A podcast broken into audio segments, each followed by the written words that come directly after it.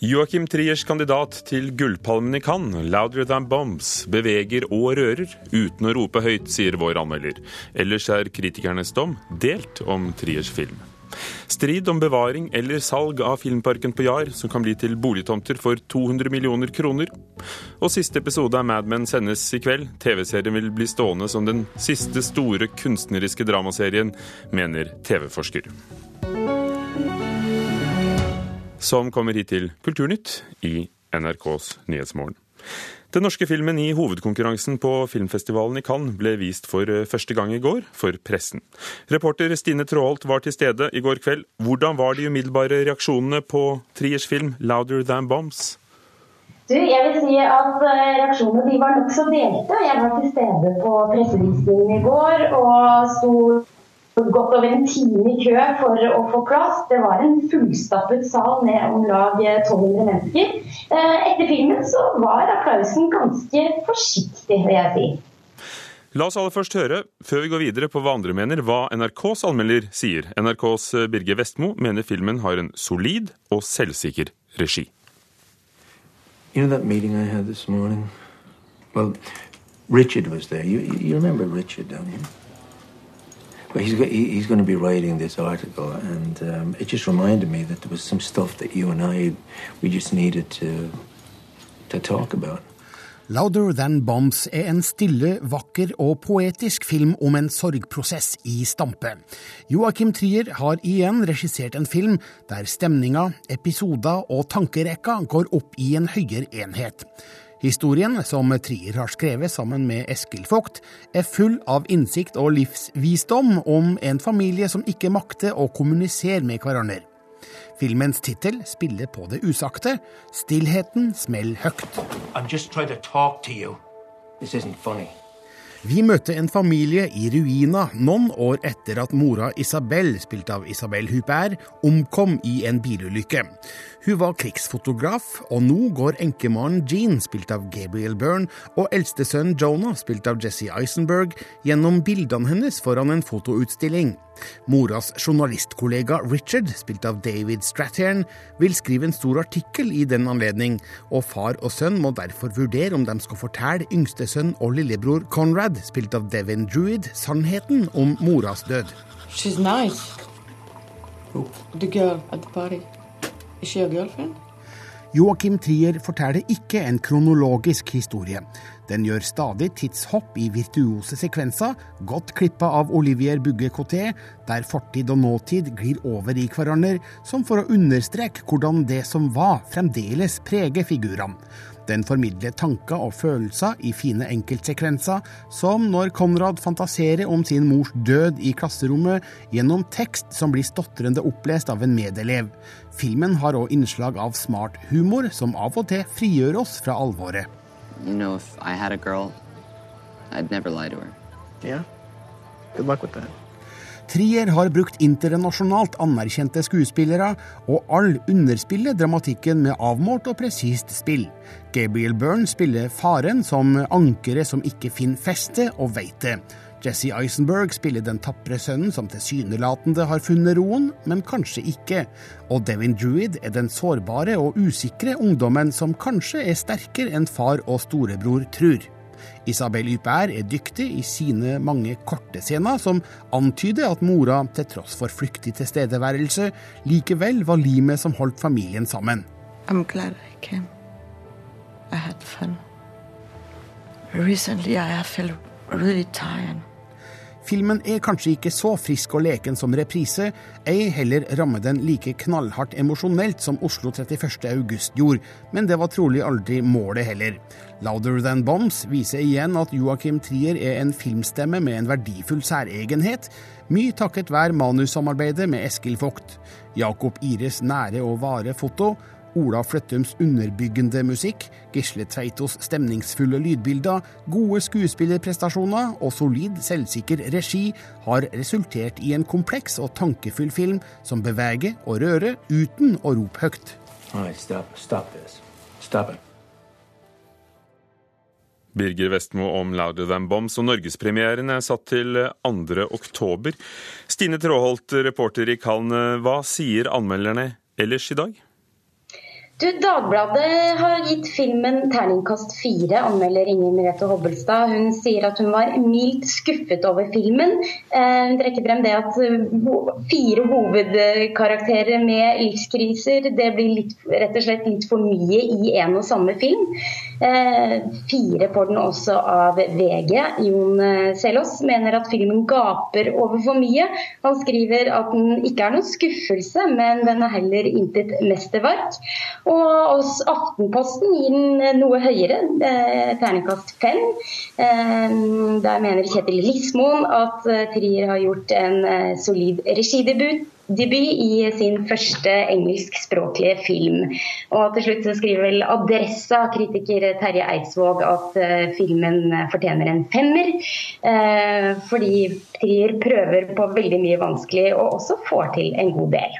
De er i Norge, hvor eh, alle avisene omtrent har eh, anmeldelse i dag, naturlig nok. Men det var 1200 til stede i salen i går. Hva skriver utlendinger om Triers film? Du, Den såkalte bransjebibelen Variety de skriver at eh, filmen klarer å beskrive det åpenbare og det subtile i samme åndedrag, og trekker det frem som noe veldig positivt. Men at eh, karakterene de mangler nok noe, og her har Tree lykkes bedre i filmene han har laget før 'Reprise' og 'Oslo 31.8'. Eh, men så har vi filmnettstedet IndieWire, som er overbegeistret nærmest, og skriver at dette er nok en fascinerende film fra den norske regissøren, og at han har lykkes i å beskrive virkelighetene og karakterenes eh, fantasiverden i filmen. Hollywood eh, Reporter er litt mindre begeistret. De skriver at handlingen i filmen er god, og at den har mange sterke øyeblikk, men at den mangler et følelsesmessig sentrum som gjør at de ikke helt klarer å rive, la seg rive med. Hmm. Traff du noen av disse kritikerne? Du, jeg traff uh, ganske mange uh, journalister og kritikere etter visningen i går og snakket med en uh, titall stykker. Og jeg må jo si at jeg opplever at dette var veldig delt. Du har svenske kritikere på sin side og danske som er veldig begeistret, men så hadde du andre som var mindre begeistret. I was um, expecting to be surprised, but uh, I was not. I'm very confused. I think there are things not well explained, you know? Jeg synes, den var fantastisk god. You know, a, a, an agreeable form of torture. What does that mean? huh? What does that mean? How come? It means that it was torturous, but it was agreeable from time to time. Alltså, den är oerhört välspelad och uh, där är uh, utsökta skådespelarprestationer. Manuskriptet är ju naturligtvis också väldigt smart. Jan Lumholt i svenske Dagbladet. Og så var det han som mente at det var en, eh, en, en fornøyelig form for eh, tortur. Husker du hvor han kom fra, Stine? Det, det, var en amerikansk eh, journalist. I dag er det gallapremiere for Louder Than Bombs. Vil det prege dagen? Absolutt. Det skjer jo ikke før klokka ti i kveld, men i dag er det gallapremiere, og så blir det en uh, offisiell pressekonferanse med Joachim Trier og alle skuespillerne hans. Jesse Eisenberg er nok ikke til stede, men det er i hvert fall eh, Gabriel Byrne og Isabel Huppert. Jeg kommer til å stå i kø i dag for å prøve å få innpass på den pressekonferansen. Og før den store gallapremieren klokken ti i kveld, så blir det også en mottagelse på den skandinaviske standen her nede stede. Da kommer kulturminister Toril Vidvei og ambassadører og eh, mange i norsk filmbransje til å være til stede.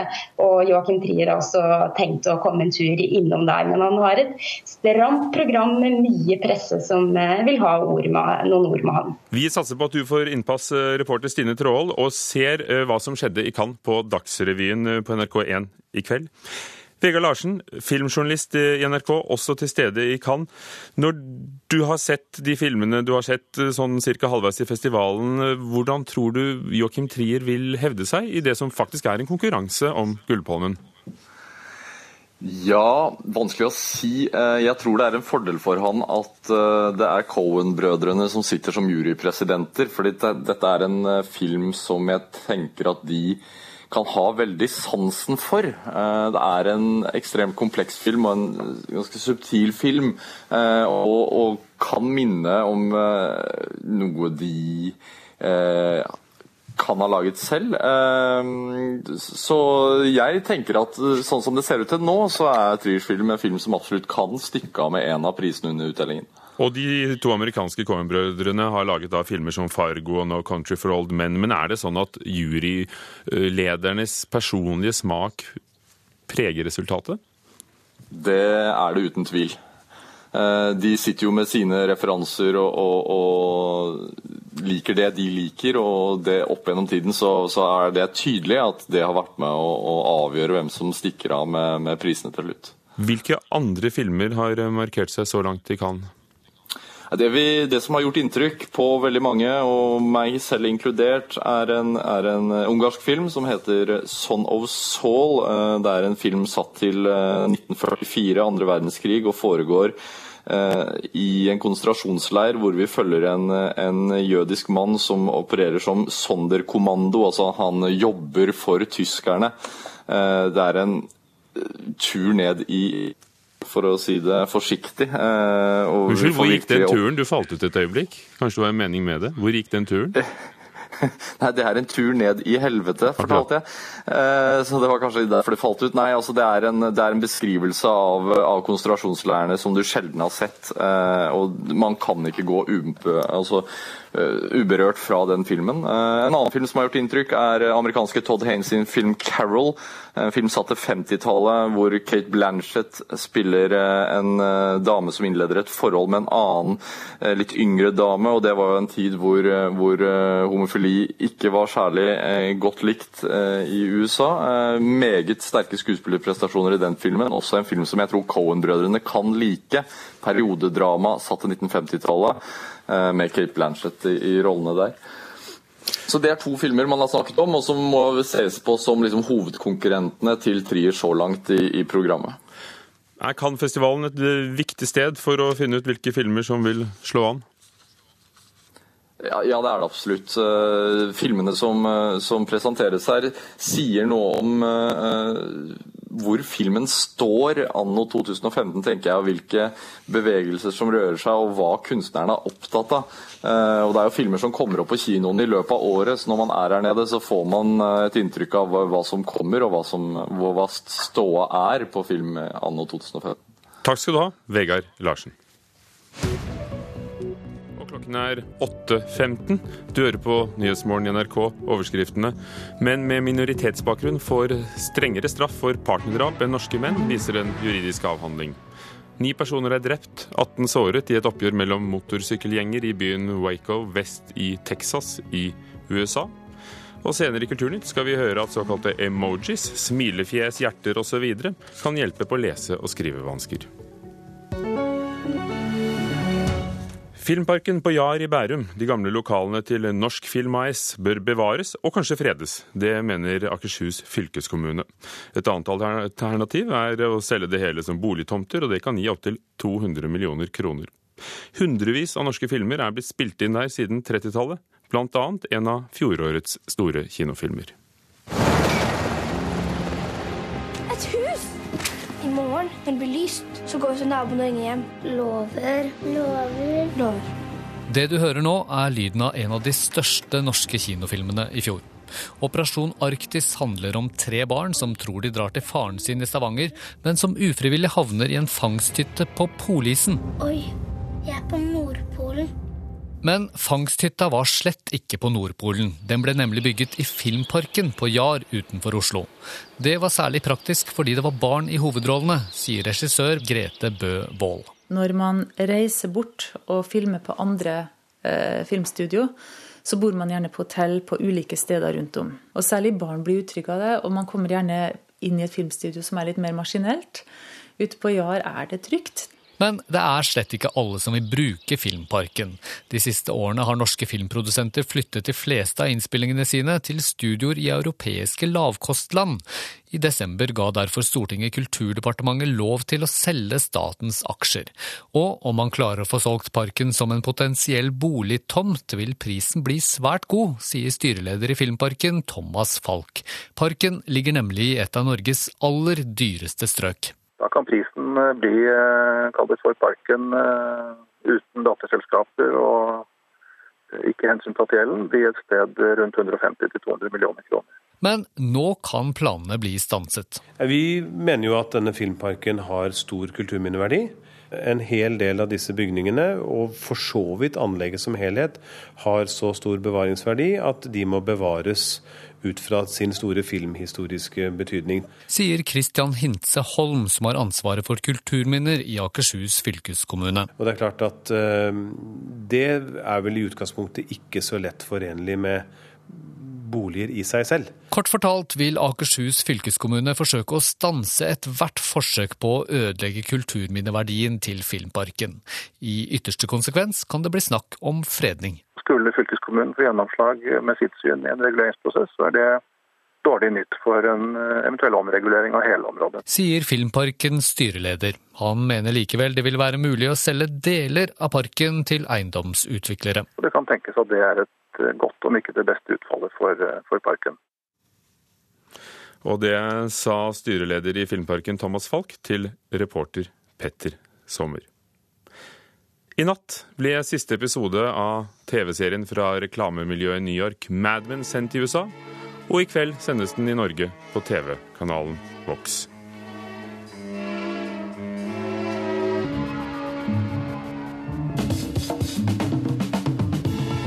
She won't get married because she's never been in love. I think I wrote that. It was to sell nylons. For a lot of people, love isn't just a slogan. You mean love? You mean a big lightning bolt to the heart where you can't eat and you can't work and you just run off and get married and make babies. The reason you haven't felt it is because it doesn't exist. What you call love was invented by guys like me. Kjærlighet eksisterer ikke, det er noe typer som meg har funnet opp for å selge nylonstrømper, sier Madmans hovedperson Don Draper selvsikkert over klirrende whiskyglass. Førsteamanuensis Gry Cecilie Rustad ved Høgskolen i Hedmark, du har forsket på TV-serier, og Mad Men spesielt. Dette er fra reklamemiljøet i New York. Det begynte tidlig 60-tallet. Hva handler det egentlig om? Eh, det handler om hvordan disse karakterene som jobber da i dette reklamebyrået, opplever de store sosiale og kulturelle omveltningene på 60-tallet. Eh, så det er, det er, en veldig sånn spesiell og konseptuell serie, som kanskje blir mer drevet frem av temaet, altså hvordan tidene forandrer seg, enn f.eks. hvem som drepte hvem, eller hva som kommer til å skje i dette slaget og sånn. Så det er en veldig sånn spesiell og neppe serie seere, som gir eh, seerne masse tid til å eh, kontemplere og tenke over tingene som Altså hvordan 60-tallet og historien utvikler seg. Og TV-seriens hovedperson er da Don Draper, som vi hørte her, spilt av John Ham. Ja. Med martini eller whisky i glasset ja, til enhver altså, tid. Eh, men så har den jo altså en utrolig flott ytre, da. Så dette her er jo hvis man går uh, mer ned i serien, som jeg har brukt ekstremt lang tid på. Uh, men uh, det handler jo den, Da den kom ut, så ble den jo en kjempestort mediefenomen, kanskje mer enn en seriesuksess. hvor det Jeg har faktisk hørt en journalist tulle med å si at det ble skrevet flere ord per episode om hver episode av Mad Men enn det var seere som så serien eh, mens den gikk der på, begyn, altså på slutten av 2000-tallet. Da den begynte de første sesongene. For Den har fått veldig gode kritikker, folk har skrevet om den, men ikke så mange har sett den i forhold til andre serier? Ja, det stemmer, og det er veldig fascinerende. Altså, Spalteplassen eh, som Mad Men fikk de første to-tre sesongene, var veldig enorm i forhold til seertall. Jeg tror det har noe med at den traff også de som jobbet i mediene veldig godt. Og det var en serie eh, man kunne gå inn og analysere og bruke masse spalteplass på å forstå liksom alt som hadde skjedd og sånn, som kanskje ikke alle andre serier um, ga, var like interessante på den måten. Uh, og så ser man jo også at det var det ble lagd egne um, motekolleksjoner fra Banana Republic. Um, møbler fra serien ble populære igjen. Altså, så den hadde en sånn effekt også på Sightguist, kan man si kanskje mer enn på seerne, som en sånn stor gruppe. Hvordan har TV-drama utviklet seg siden Mad Men hadde premiere i, i 2007? Og det er jo veldig interessant, for man ser jo eh, hvor populær eh, Mad Men var da den kom. Eh, men så ser man jo mer og mer Altså TV-serien i seg selv har blitt mer populær, den er blitt mer kommersiell. så man ser jo at man har fått en liksom vridning mot mer sånn blockbuster-aktige TV-serier, mens Mad Men har gått. Så den har på en måte blitt litt glemt. Mad Men er mer lik de første HBO-seriene som The Sopranos og The Wire, som er mer saktegående og mer ukonvensjonelle. Mens nå ser man at man har sånn Game of Thrones og Walking Dead og True Detective, altså mer sjangerserier. Bare mer serialisert enn det f.eks. The Wire og Sopranos var. Hva skyldes det?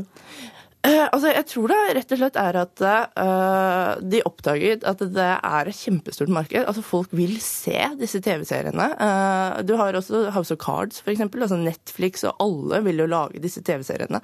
så det har blitt veldig populære. Altså, det er også en veldig stor forskjell. Altså, House of Cards og Game of Thrones og sånn er skapt for å binge-watche, ikke sant? Altså se episode på episode. det er jo ikke Mad Men og Sopranos og The Wire. Altså, der bør man kanskje ha litt tid mellom hver episode for å tenke over faktisk hva som skjedde skjedde. Og hvis du ser på dette som et stykke TV-historie, hvordan vil den bli stående?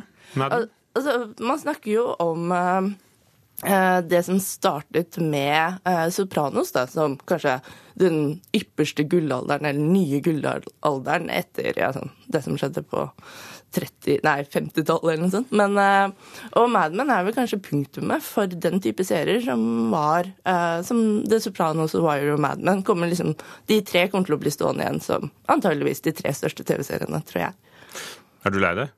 Ja, jeg kommer til å savne den veldig. Takk, Gry Cecilie Rustad, førsteamanuensis ved Høgskolen i Hedmark, som nettopp har forsket spesielt på Mad Men og andre TV-serier. Og det punktumet kommer da på norsk TV i kveld for Mad Men.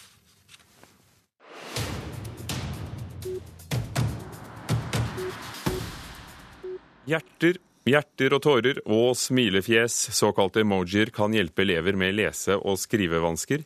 Samtidig kan det også forringe språket. Dette er erfaringene lærerstudenter ved Høgskolen i Buskerud og Vestfold har gjort, etter at de har fått elevene til å bruke, tegne og tegne nye symboler i klasserommet. Så hvis jeg skriver til bestemor eller noe sånt, og hun har iPhone, så skriver jeg sånn hjerte og sånt, da. Mm. Istedenfor sånn eh, en som får latterkrampe og sånt. Ja. Fordi det er litt sånn litt for yngre folk.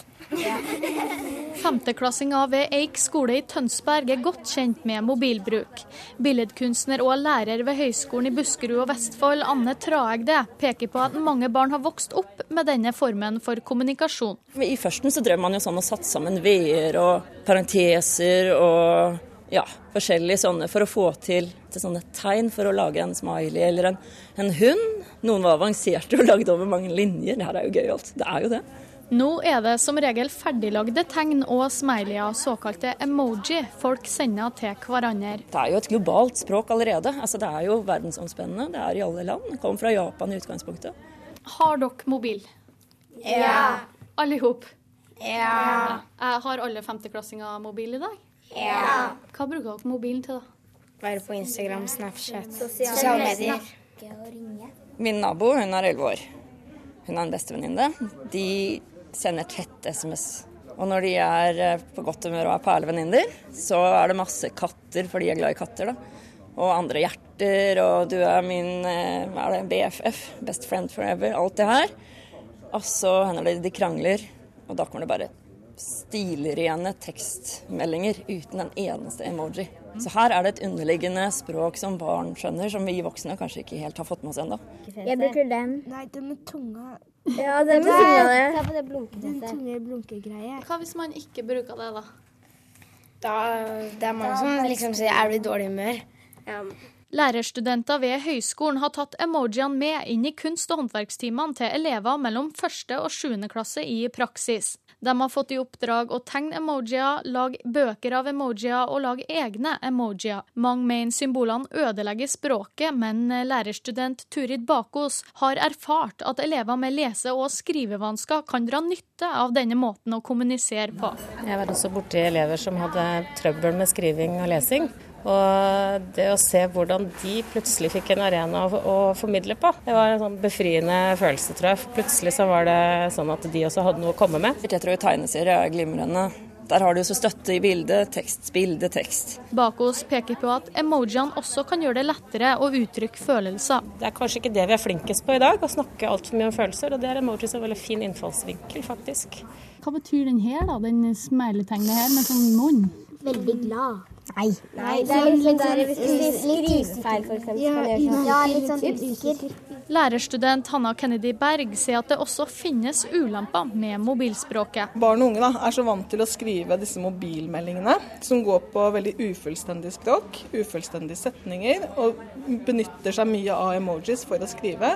Og etter å ha snakka med ungdomsskolelærere bl.a., så ser de at de bruker det språket også inn f.eks. når de skriver fortellinger. Så, sånn sett så er jo det en, en negativ effekt da, av dette mobilspråket som de drar med seg inn. For de får et dårligere skriftlig språk i norskfaget. Kan man bruke for mange smileys? Eh, hvis du bruker altfor mange, så kan det begynne å se litt rart ut. Hvis du hadde skrevet sånn ti stykker, liksom, så hadde det begynt å Blir litt for mye. Ja, litt for mye. Og reporter her var Tanita Vassås Kveino om smilefjesene og andre symboler. Solid og selvsikker regi, en film som beveger uten å rope høyt, sier NRKs filmanmelder om Joachim Triers 'Louder Than Bombs', som ble vist på filmfestivalen i Cannes, og som vi hørte om i Kulturnytt her i dag, som var ved Hans Ole Hummelvold, Gjermund Jappé og Ugo Fermariello. Du hører på Nyhetsmorgen i NRK. Klokken er snart halv ni.